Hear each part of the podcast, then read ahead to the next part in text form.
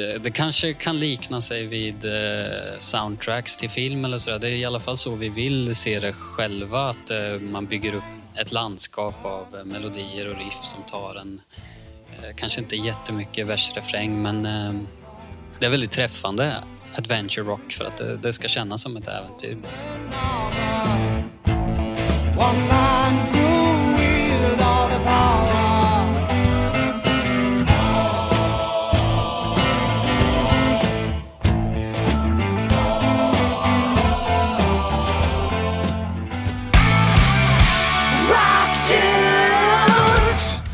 Hej och välkommen till ett nytt avsnitt av Rock Dudes. Ja, du hör det. Det är ett nytt avsnitt och vi är äntligen tillbaka.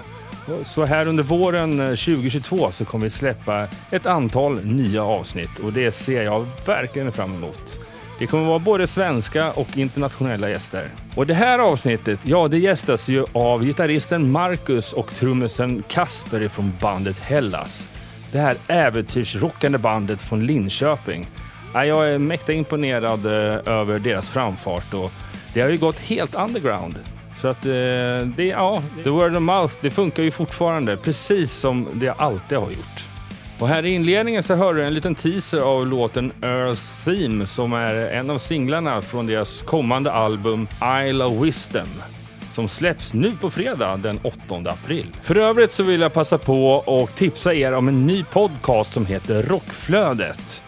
Ja, det är en ny podcast där jag är en av programledarna och där vi inriktar oss på rocknyheter som har släppts den senaste veckan. Och det kan vara allt ifrån singelsläpp till videos till nya album, konsertsläpp och festivalnyheter. Ja, det är precis allting som har släppts under senaste veckan. Så ta och lyssna in er på den och ni hittar ju den på samma plattformar som vi. Besök sök på Rockflödet. Jag vill som vanligt passa på och eh, bjuda in er till eh, Rockdudes sociala medier. Du söker på Rockdudes-podden och vi finns främst på Facebook och Instagram. Ja, gott folk, det blev ett litet längre intro, men vad, vad blir det inte när man har, har varit borta i snart ett år?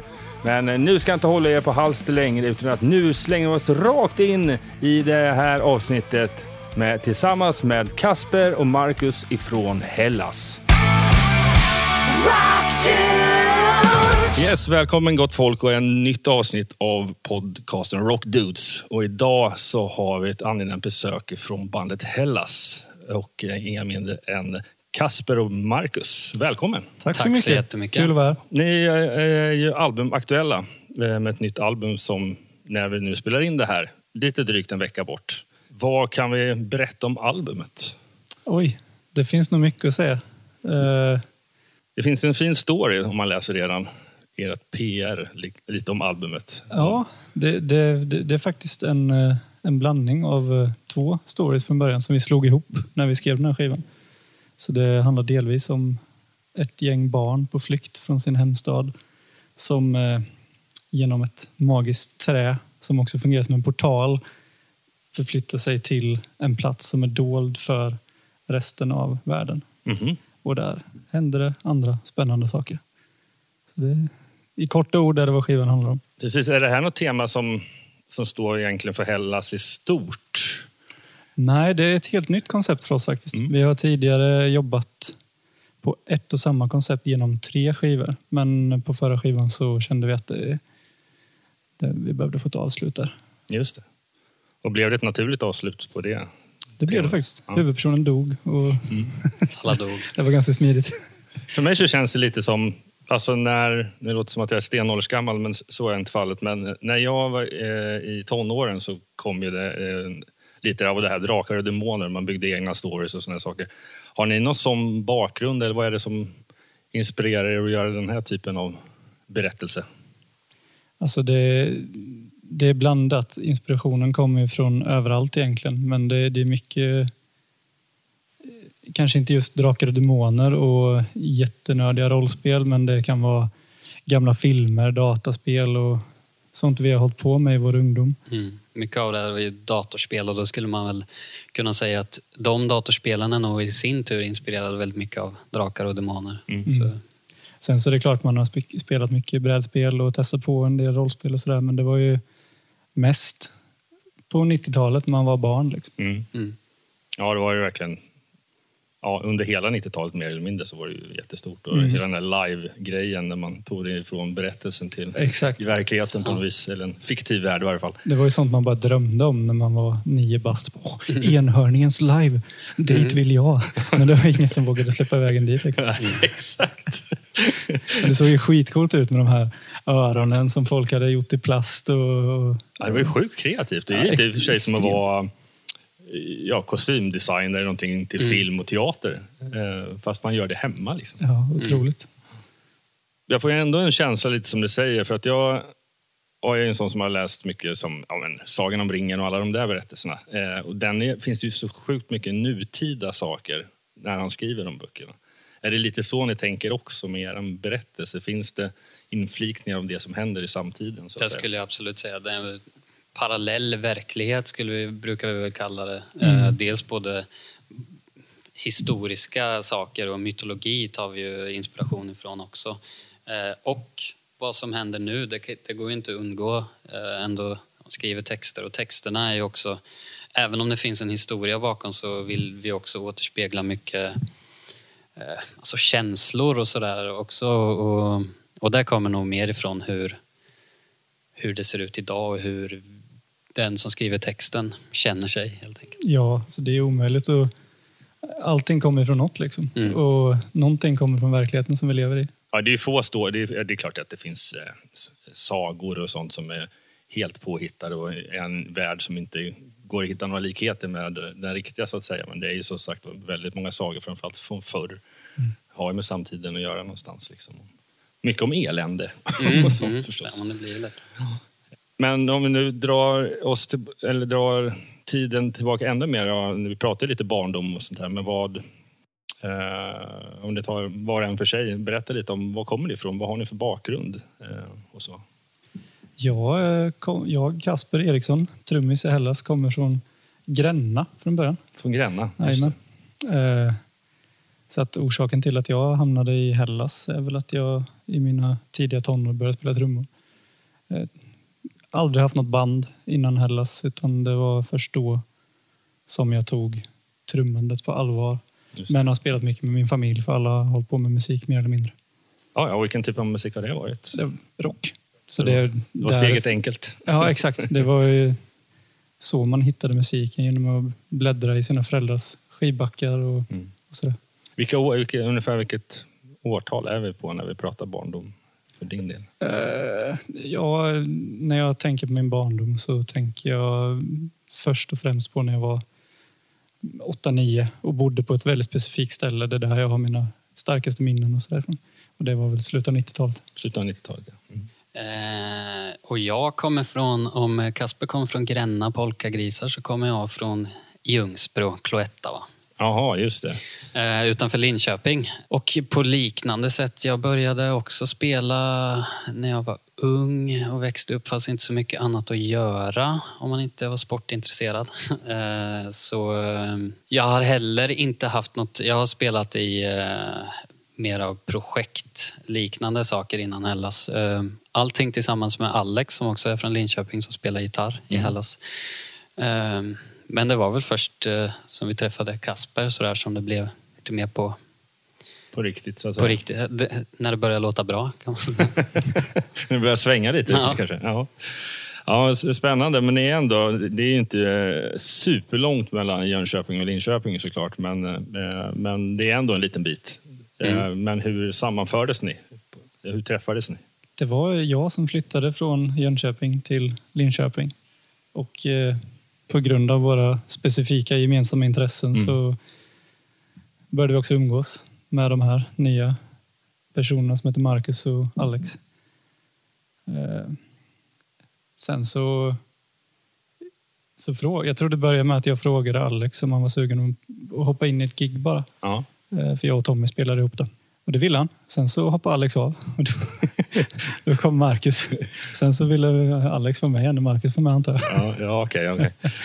Sen dess så, är vi, så har vi kört tillsammans. Det är kul att det ändå är första kärleken någonstans som består än så länge när det Ja. band och, och, Mm.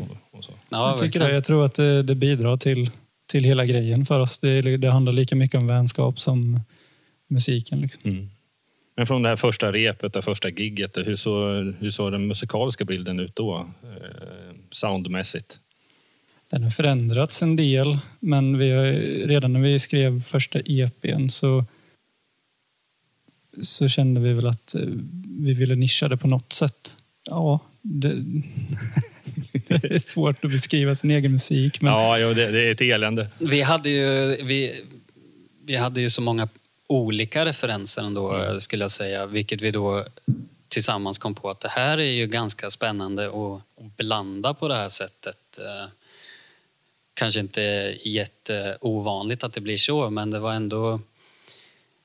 Ja, men det var på, på något sätt så som det klickade. För som jag, som jag nämnde, Alex och jag har spelat tidigare, men då har vi också spelat med andra som vi har haft exakt samma musiksmak. Eller varit, de projekten var mer, vi ska låta exakt så här. Det här blev, kom från någonting, Tommy på den tiden var mycket inne på liksom blues och tidiga Black Sabbath och så kom vi från någon black och heavy metal och så liksom blev det blandningen av det här tror jag vi ganska tidigt in, insåg att oj, det här blir ju det här är spännande. mm, Men vad, vad, hur bestod det delen? För att, eh, det kan det vara så att när man lä- läser in sig lite så är jag lite osäker på när, när var det, det första alstret ni släppte? Vilket årtal var det? vi släppte vår första EP eh, 2015. Ja. Gjorde vi. Och det, var väl, det var också då när vi spelade in den som vi träffade Niklas som spelar keyboards i bandet. Mm. Och han har ju också helt andra referenser. Han, inte så mycket rock som vi andra utan mycket reggae och, Ah, eh, och sånt där. Synt. Synt framför allt. precis. Kom han in i bandet just runt när du skulle spela in den plattan då? Eller så han, Vi frågade om han ville haka på och bli en, en del av bandet Hellas efter att vi hade gjort en spelning tror jag. Vi spelade ju in de första två skivorna hemma hos Niklas. Han har en studio. Eh, Så att från början var han ju studiotekniker kan man väl säga. Och sen också visste vi ju att han kunde spela klaviatur så att vi bad honom det här var på första EPn då, att lägga lite saker. Och sen skulle vi väl ha vår releasefest för den kommer jag ihåg. Och då skulle vi göra lite extra så vi tar faktiskt med en, för vi hade gjort lite spelningar utan honom men sen här på den här då ska det vara lite speciellt för vi tar med och då kommer jag ihåg att vi, han har berättat att liksom, han ville ju vara med hela tiden. Eh, och vi ville att han skulle vara med. Och sen så blev det liksom kolla på varandra och eh, vill inte du vara med hela tiden då? Åh, oh, jag trodde aldrig ni skulle fråga. En sån form av... liten kärlekshistoria. Ja, var väldigt nästan. romantiskt. Mm. Vi satt och käkade pizza någonstans. Ja. jag tror jag. Eh, Men hur såg musikklimatet runt omkring i Linköping? Fanns det mycket band, andra band och sånt som spelade just då? Ja, det tycker jag. Jag märkte i alla fall en stor skillnad mellan Jönköping och Linköping när jag flyttade. Det, var, det fanns generellt sett ett större intresse för hårdrock. Eh, och Vi hade också det lokala skivbolaget Gaphals och Design Records som också samma kärna det bolaget arrangerade spelningar och såg till att kulturen levde och så vidare. Mm. Så att det, det bidrog ju till att allting blev enklare just för att vi också blev signade av dem eh, vid det tillfället. Vilka spelställen var som fanns då? Vilka klubbar? Då fanns det ett ställe som... The Crypt The Crypt hette det. eh, just det. var ju där de eh, arrangerade. Sen var det ett annat ställe som nu har lagt ner som hette Lorient som också var lite nästan lite, eh, vad ska man kalla det då, ungdomshus. Och om man ville spela så, så fick man spela där ungefär. Så det spelade vi någon gång också. Mm. Sen var det ju faktiskt lite band som var igång sådär, så, som ändå gav liksom känslan av att man kan nog faktiskt spela och, och göra sådär. Som Skogen brinner och Night. Och, så det fanns en liten, liten rockscen på kanske tre, fyra, fem band. Så. Mm. Ja, men det blir om inte annat lite sporrande i alla fall. Mm.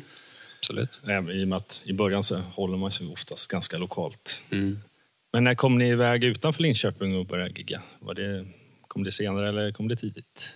Det kom nog i samband med att vi strax efter vi släppte första EPn så kämpade vi ganska hårt för att hitta arrangörer som ville fixa en spelning i Tyskland åt oss. Mhm. Så kom vi i kontakt med ett gäng personer som hjälpte oss till, jag tror att det var två spelningar i Tyskland första gången, Leipzig och Berlin.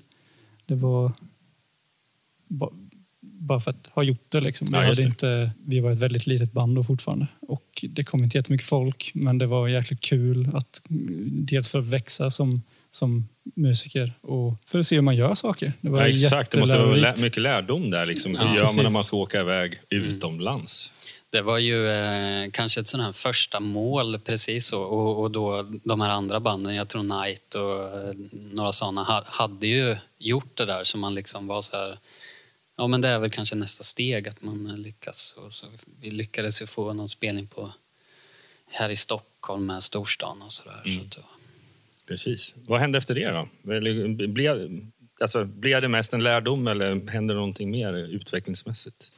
Just då, så efter de där spelningarna, så gjorde vi nog inte så mycket mer, mer än att börja jobba på nästa skiva.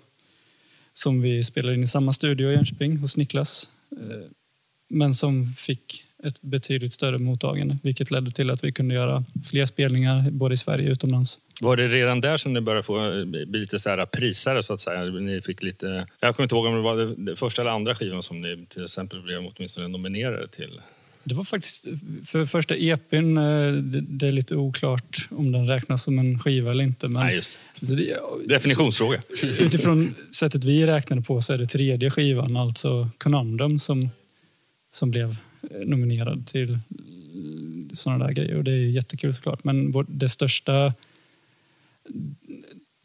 den största vändningen i vår lilla karriär, det är nog den första fullängden vi släppte, Except from a future past. För då, det var då folk började uppmärksamma vår musik. Och Var det även lite större medier som fick upp ögonen för det? Eller var det, Nej. eller var det word of mouth? Väldigt mera? underground. Det var, fortfarande. ja, precis. häftigt. Det var, någon har sagt någon gång att det var en explosion i underground. ja, eh, sådär. Och det, det var ju helt eh, chockerande också. Och Fenris från Darkthrone började prata om det och tipsa om den här skivan. Och, och det var... Det så är, den var- bästa så det var- sprid, det är den bästa spridningen. Ja, nästan. precis. Det var på, på den, den sättet snarare. Liksom, det fanns ingenting i någon riktig media, eller vad man ska säga. Ja, Fin media. Ja, men häftigt då. Men blev det mer utomlandsspelningar och sånt också i samband med det? Eller? Ja, sommaren därpå så körde vi ganska hårt. Det var så här, vi åkte ner och gjorde festivalgigs i Tyskland varje helg i princip. Mm. Och vilka festivaler pratar vi om? Oh, det var, vad hette alla? Eh, Det var inga så stora... eh, Det var inget Sweden Rock eller inget Nej. eh, Wacken eller något sånt. Utan det var liksom... Men hyfsade publikkapacitet? eller? Ja, men sådana här medelfestivaler, kanske några tusen eh, besökare och sådär. Mm. Och uteslutande Tyskland tror jag att det kan vara. Vi åkte fram och tillbaka i princip. De brukar väl heta Hammer och Void någonting, de där Ja. festivalerna. Exakt. det, nu, det här är ju ändå nästan fyra år sedan. Så att, Ja. Be om Vi ursäkt spelar till alla trevliga festivaler. Muskelrock också. Ja, och det just kändes såklart. som en riktig vändning i karriären. För Ja. då helt plötsligt var det skitmycket folk i publiken. Och det hade vi aldrig varit med om tidigare. Nej. Det var också i slutet av maj eller något sånt där. Så att det var, Hur påverkar det er? det var Alltså, en riktig wow-känsla. Ja. Eh, Speciellt det här också att ha varit besökare där så många gånger också och kollat på band och sen eh, från att stå där och göra det där och det är helt packat och inse att oj, vad, varför är det så här mycket folk? fan vad kompisar Eh. vi har. Ja, Precis, man vill bara ta mikrofonen och bara fråga hur hittar ni, Ja. varför är ni här? ja. Så det, det hände ju otroligt mycket där med första plattan där såklart. Ehm, och ut på sommaren och gigga. För att ni har egentligen, ni har ju nu från då den officiella första albumet, eller fullängdaren i varje fall, släppt, ja, blir ju vartannat år i princip. Ja, ja. det, typ. Den Ja, I första alla fall årtalsmässigt, sen Mm. har jag inte riktigt Mm. kollat månaden. Men, men det blir ändå 2018, 2020 och nu 2022. Mm. Mm, något sånt. Jag tror till och med att första släpptes 2017, men på slutet så att vi, vi kan säga 2018. Ja, just det. Men i och med att andra, eller ja, tredje albumet enligt er då, eh, släpptes där 2020, Han hann ni ändå gigga någonting på det? Eller var, för att pandemin var ju ändå i trakten där omkring. Vi var faktiskt mitt i en eh, Europaturné när, vi, när alla lockdowns och grejer drog igång. Så att vi fick vända i Hamburg. Han precis göra vår första spelning. Sen så hade vi som tur var hunnit spela massa i Sverige, Finland och Norge och sådär. Men det var...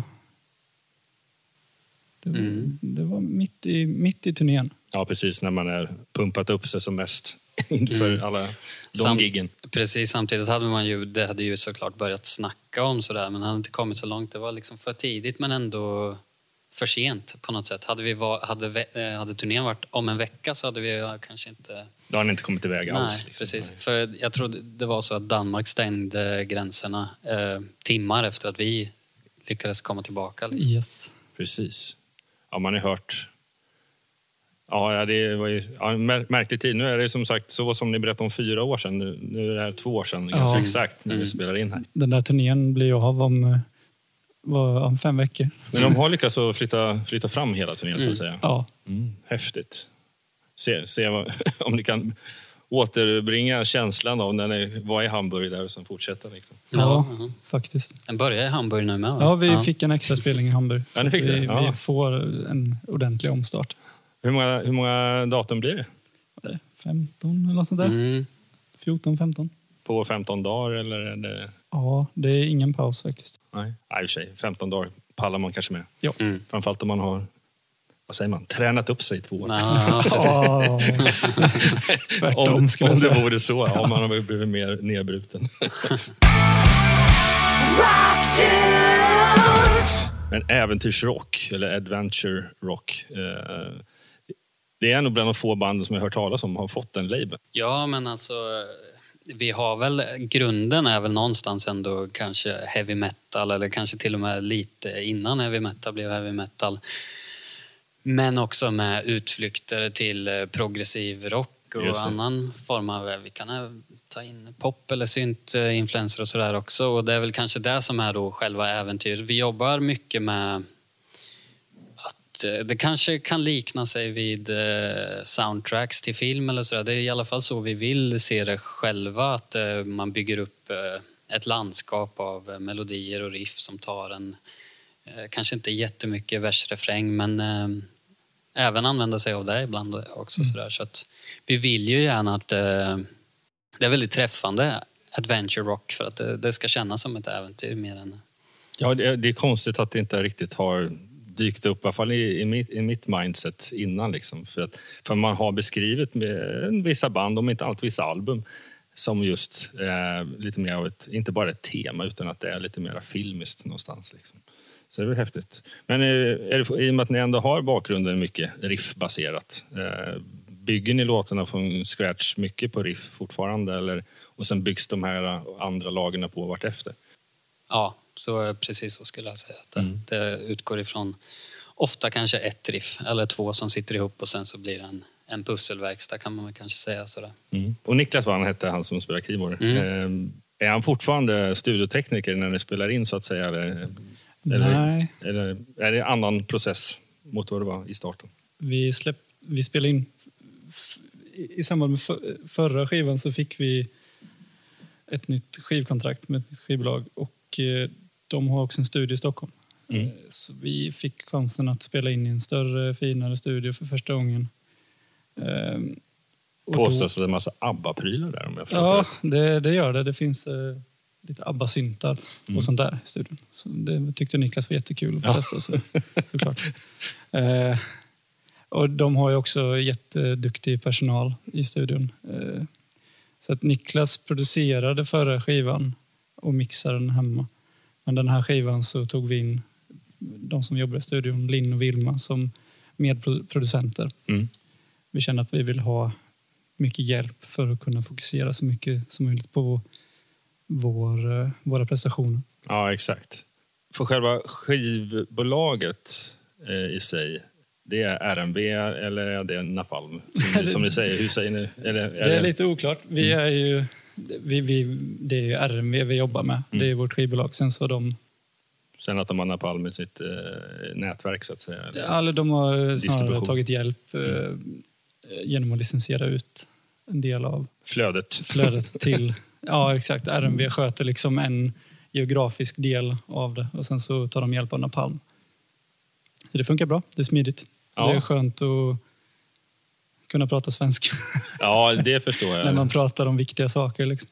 Ja, framförallt när det kommer till det där eh, med kreativa och allt sånt där. Tänker. Exakt.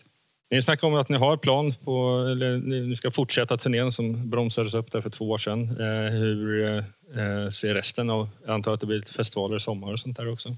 Ja, vi, vi har en del inbokat faktiskt. Det blir Sweden Rock. Just Jag det. tror det, det Sweden Rock först ut i sommar va? Mm. Sen så ska vi vidare till ja, en rad olika festivaler i Mm. Europa, Hellfest i Frankrike och sånt där. Så det, det är väl det vi fokar på i sommar. Men det är ändå, apropå det när ni pratade om när ni var ute på festivalsväng innan pandemin där, eh, så var det ändå lite mindre, eller Mm. me- medelstora. Men eh, både Sweden Rock och Hellfest, måste vara milstolpar. Absolut. Ja, det är skitroligt. Det trodde man ju aldrig. Känner ni att det har gått så här, eh, ändå i lagom takt? Nu har ni fått en paus, ofrivilligt förvisso. Men det, det tog ju sån himla fart där. Det eh, känns som att det ändå gick i lagom takt så att säga. Ja, men jag tror väl att vi har på något sätt behövt det för att vi har ju vuxit som band tillsammans med Eh, hur vi har vuxit eh, i popularitet kan man säga. Så jag, jag tycker att allting har flyttat på väldigt naturligt och vi har lärt oss grejer i, i naturlig takt. Och det, det har varit, jag tror att det har varit till vår fördel och vi har inte liksom kört slut på oss på något sätt utan vi har alltid hållit arbetet på en nivå som vi klarar av. Sen så tror jag att vi försökte ta tillvara på den tid vi fick under pandemin genom att skriva den här skivan. Då. Så det, det, vi, har, vi har försökt vara produktiva trots att allting stannade till. Liksom. Precis, har ni kunnat tillmära... Det kanske var ett naturligt steg i vilket fall, men har ni medvetet lagt lite mer fokus på detaljer och sådana grejer i både skrivande och inspelningsprocess?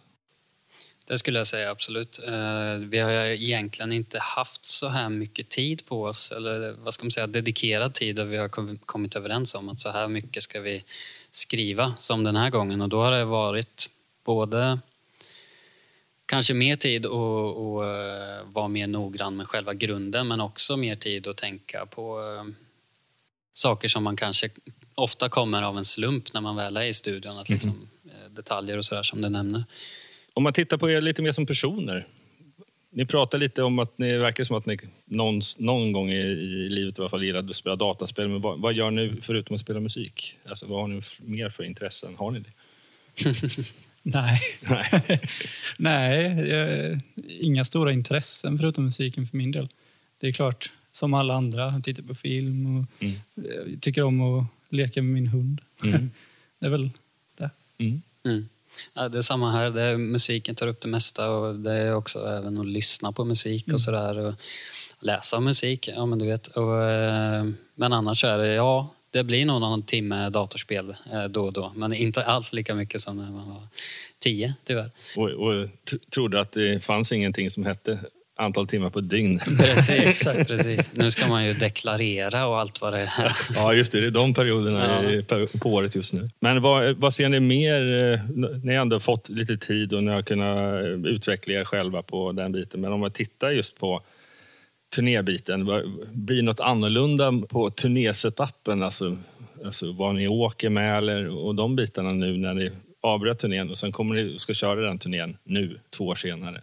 Är det mycket praktiska saker som kommer vara de samma eller har ni ändrat någonting där också? Vi kan väl säga så här att när vi avbröt turnén förra gången så hade vi en sån här, vad kallas det då, sprinter som vi skulle köra själva och redan den höll på att vingla av, eh, vad heter den, Öresundsbron.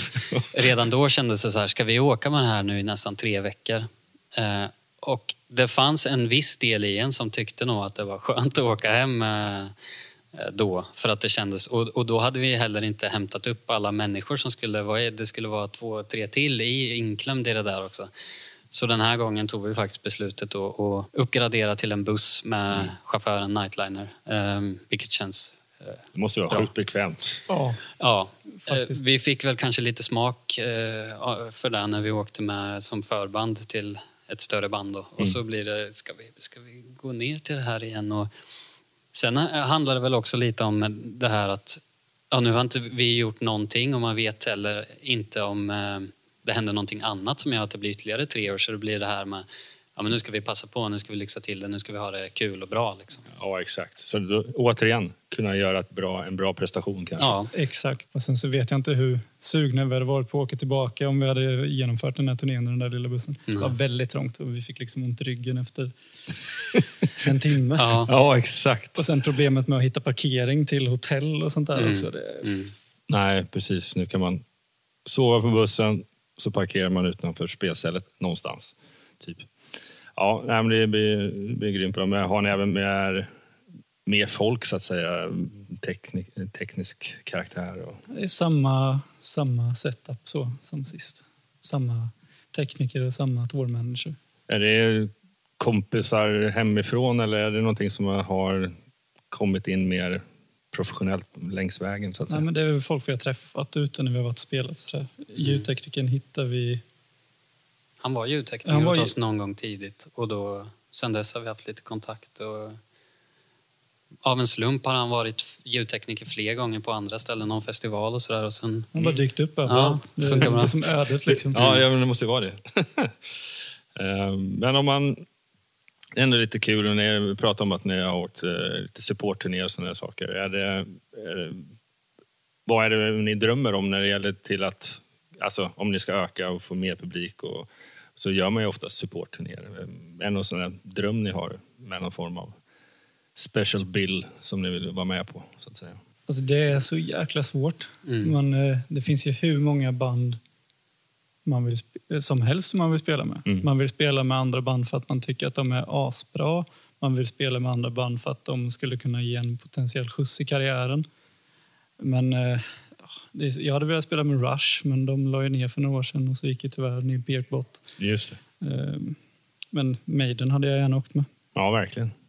Och, och ibland, det- ibland händer ju såna där grejer, liksom att de här eh, ja, riktigt, riktigt stora band helt plötsligt, out of the blue, liksom tar med sig något band som egentligen ingen har en aning om. eh, och nu, är, har ni, nu är jag nu inte helt okända, så, men, men bortsett från Tyskland om man säger så, för det är, det är där ni har verkat mest utanför Norden i varje fall. Eh, är det något, och nu ska ni spela på Hellfest, det öppnar i alla fall upp mm. eh, Frankrike lite, tänker jag. Mm. Ehm, Spanien, är det någonstans ni har spelat hittills? Jag har spelat där som förband till ett annat band. Skitkul och jättebra publik och suverän energi. Så dit åker vi jättegärna tillbaka. Ingenting inplanerat nu, tyvärr, men det, det kommer nog. Ja, exakt. Och det är väl lite, om du, när du frågar om drömmen, att kanske också, vad ska man säga, ha tid och organisation för att utvidga lite mer och inte bara åka fram och tillbaka till Tyskland utan som vi har inte heller varit i östra Europa, egentligen Polen eller Litauen har vi varit på en festival en gång för länge sedan. Men lite sådär och givetvis USA och ja, Japan vill jag spela i. Japan vore ju hur kul som helst. Ja, det är många... Eller, ja, men det, det är rätt mycket. Framförallt så verkar svenska band vara hyfsat populära Mm. när de väl tar sig bort dit. Och USA pratar ni om, vad, är det bara den här klassiska barndomsdrömmen att man vill spela i USA? Vad skulle krävas för att ni skulle komma dit bortsett från att kanske hitta rätt folk eller ja, Alltså, vi, vi vet ju att vi har ganska mycket folk som lyssnar på oss i USA. och Så, där, så vi vill ju kunna åka dit att, för att... Det brukar alltid dyka upp finns- såna här frågor när man publicerar evenemang var, var som helst så kommer det en massa folk från resten av världen. "Åh, När kommer ni hit? Ja, Mm, men exakt. Det, det, vi vet att det finns något utbyte. Det blir inte bara att åka dit och, som en chansning utan vi vet att det, det, det finns folk som gillar oss där. Mm. Eh, Men sen så är det ett jäkla pill. Vi måste få visum och Exakt, och det kostar pengar. det kostar och... pengar. Men vi jobbar på det. Ja, exakt. Och det måste man göra. Annars så kommer man inte dit. Exakt. Vad ser ni själva? Eh, Alltså, nu släpper ni album och det, det verkar gå en lagom kurva uppåt, som ni själva beskriver. Men eh, vad ser ni som stort mål med bandet? Har ni några sådana framtidsmål? När, hur stora ska ni behöva bli? För att det, ska ju vara, det, det kan ju så kul att eh, ta över världen är- kan man ju alltid slänga sig med. Men, eh, men hur ser eran plan ut? Eller drömmar? Den är nog lite mer ödmjuk än att ta över världen, tror jag. Eh, Personligen så skulle ju det, det målet vara liksom att det här är det jag kan syssla med 100 procent och skriva låtar och åka på turnéer och sådär. Men eh, det är inget uttalat mål så direkt heller utan det är mer en dröm. Alltså, jag skriver ju inte ett riff för att om jag skriver det här riffet så kanske jag Ja, just kan det, leva så på skriva en det. hit. Eh, Liksom. Nej, precis. Utan eh, som, som du säger, en, en stadig utveckling framåt. Eh, och sen någon gång kanske man förhoppningsvis kan, kan fokusera på musiken helt enkelt. Precis. Vilka, vilka, Det är klart att de allra flesta, oavsett hur stor man är som artist, så är det många som tittar på klubbscenen som den bästa scenen. Mm. Ehm, är det likadant för er? Ja, för mig går det lite fram och tillbaka faktiskt. Det finns tjusning i både jättesmå trånga klubbspelningar och jättestora festivalspelningar. Energin brukar alltid... Man, man blir mer smittad av publiken på ett positivt sätt. inte pandemismittor. Inte corona. Nej, exakt. Utan det är energin, man kan nästan ta på den. Man är nära publiken och det är trångt. Och det, det är en härlig känsla.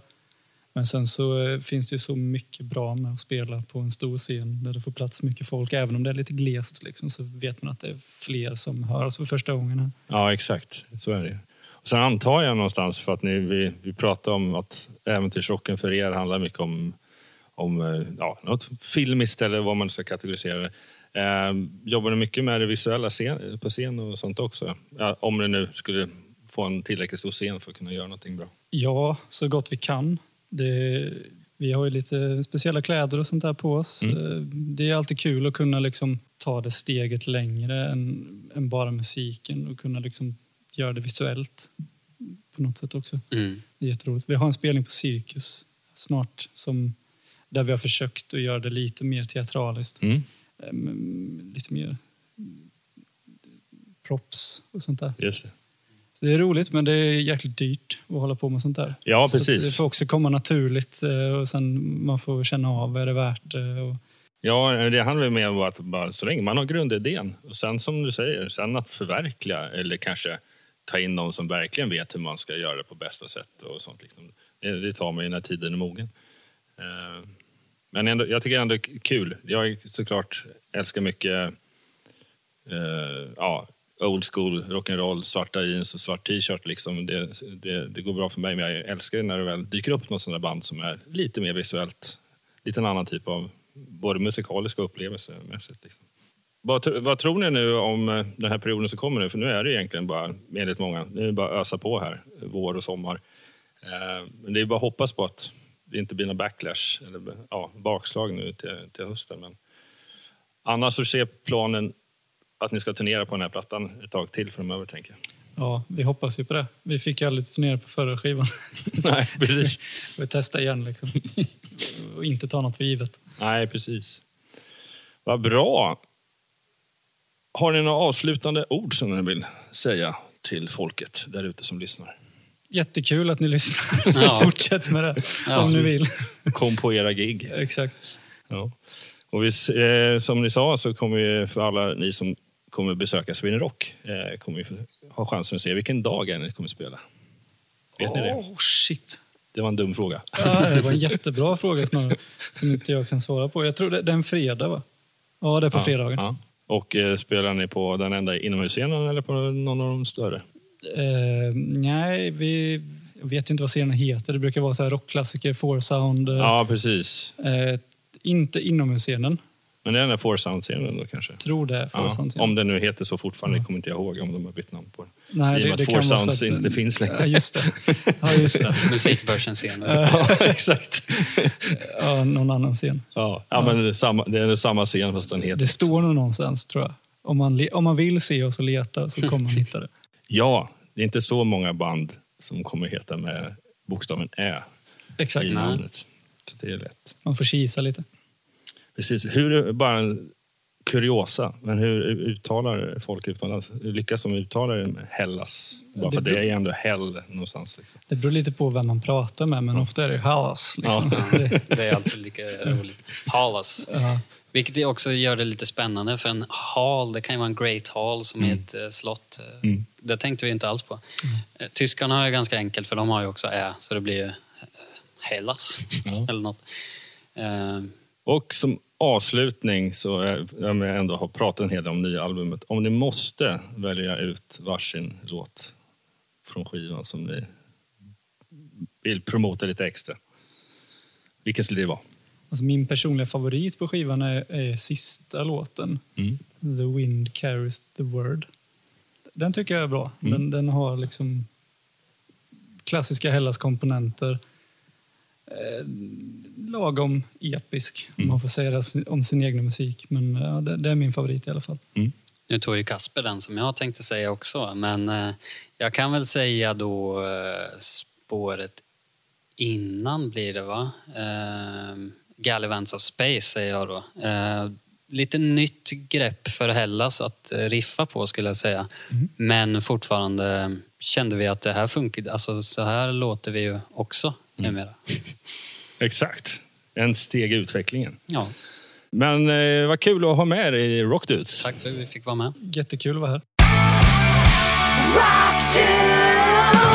Ja, tack kära lyssnare för att du har lyssnat på Rockdudes nummer 110 med våra gäster Marcus och Kasper ifrån Hellas. Ja, jäkligt sköna killar och eh, tillsammans med deras musik. Jag hoppas verkligen att de når exakt så stor framgång som de dels förtjänar och eh, dels som de själva drömmer om. Vi såklart slå ett slag för deras nya album Isle of Wisdom.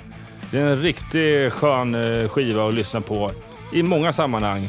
Men för mig så kommer den definitivt att spelas mycket och ofta i bilen. Precis som i inledningen så vill jag tipsa om eh, den nya podcasten Rockflödet som tar upp rocknyheter som har släppts den senaste veckan. Och det kan vara allt ifrån singelsläpp till nya videos, eh, nya sköna album och Ja, konserter och festivaler och en massa andra grejer som kan vara riktigt kul för just dig att veta om. Och vill du få en bra koll på nyhetsflödet i en koncentrerad form så ta och prenumerera på Rockflödet. Det finns ju precis på samma plattformar som du hör Rockdudes på. Och som avslutning så vill jag såklart bjuda in er till våra sociala medier som Facebook och Instagram och du hittar oss enklast genom att söka på Rockdudes-podden. Nästa veckas avsnitt är av internationell karaktär.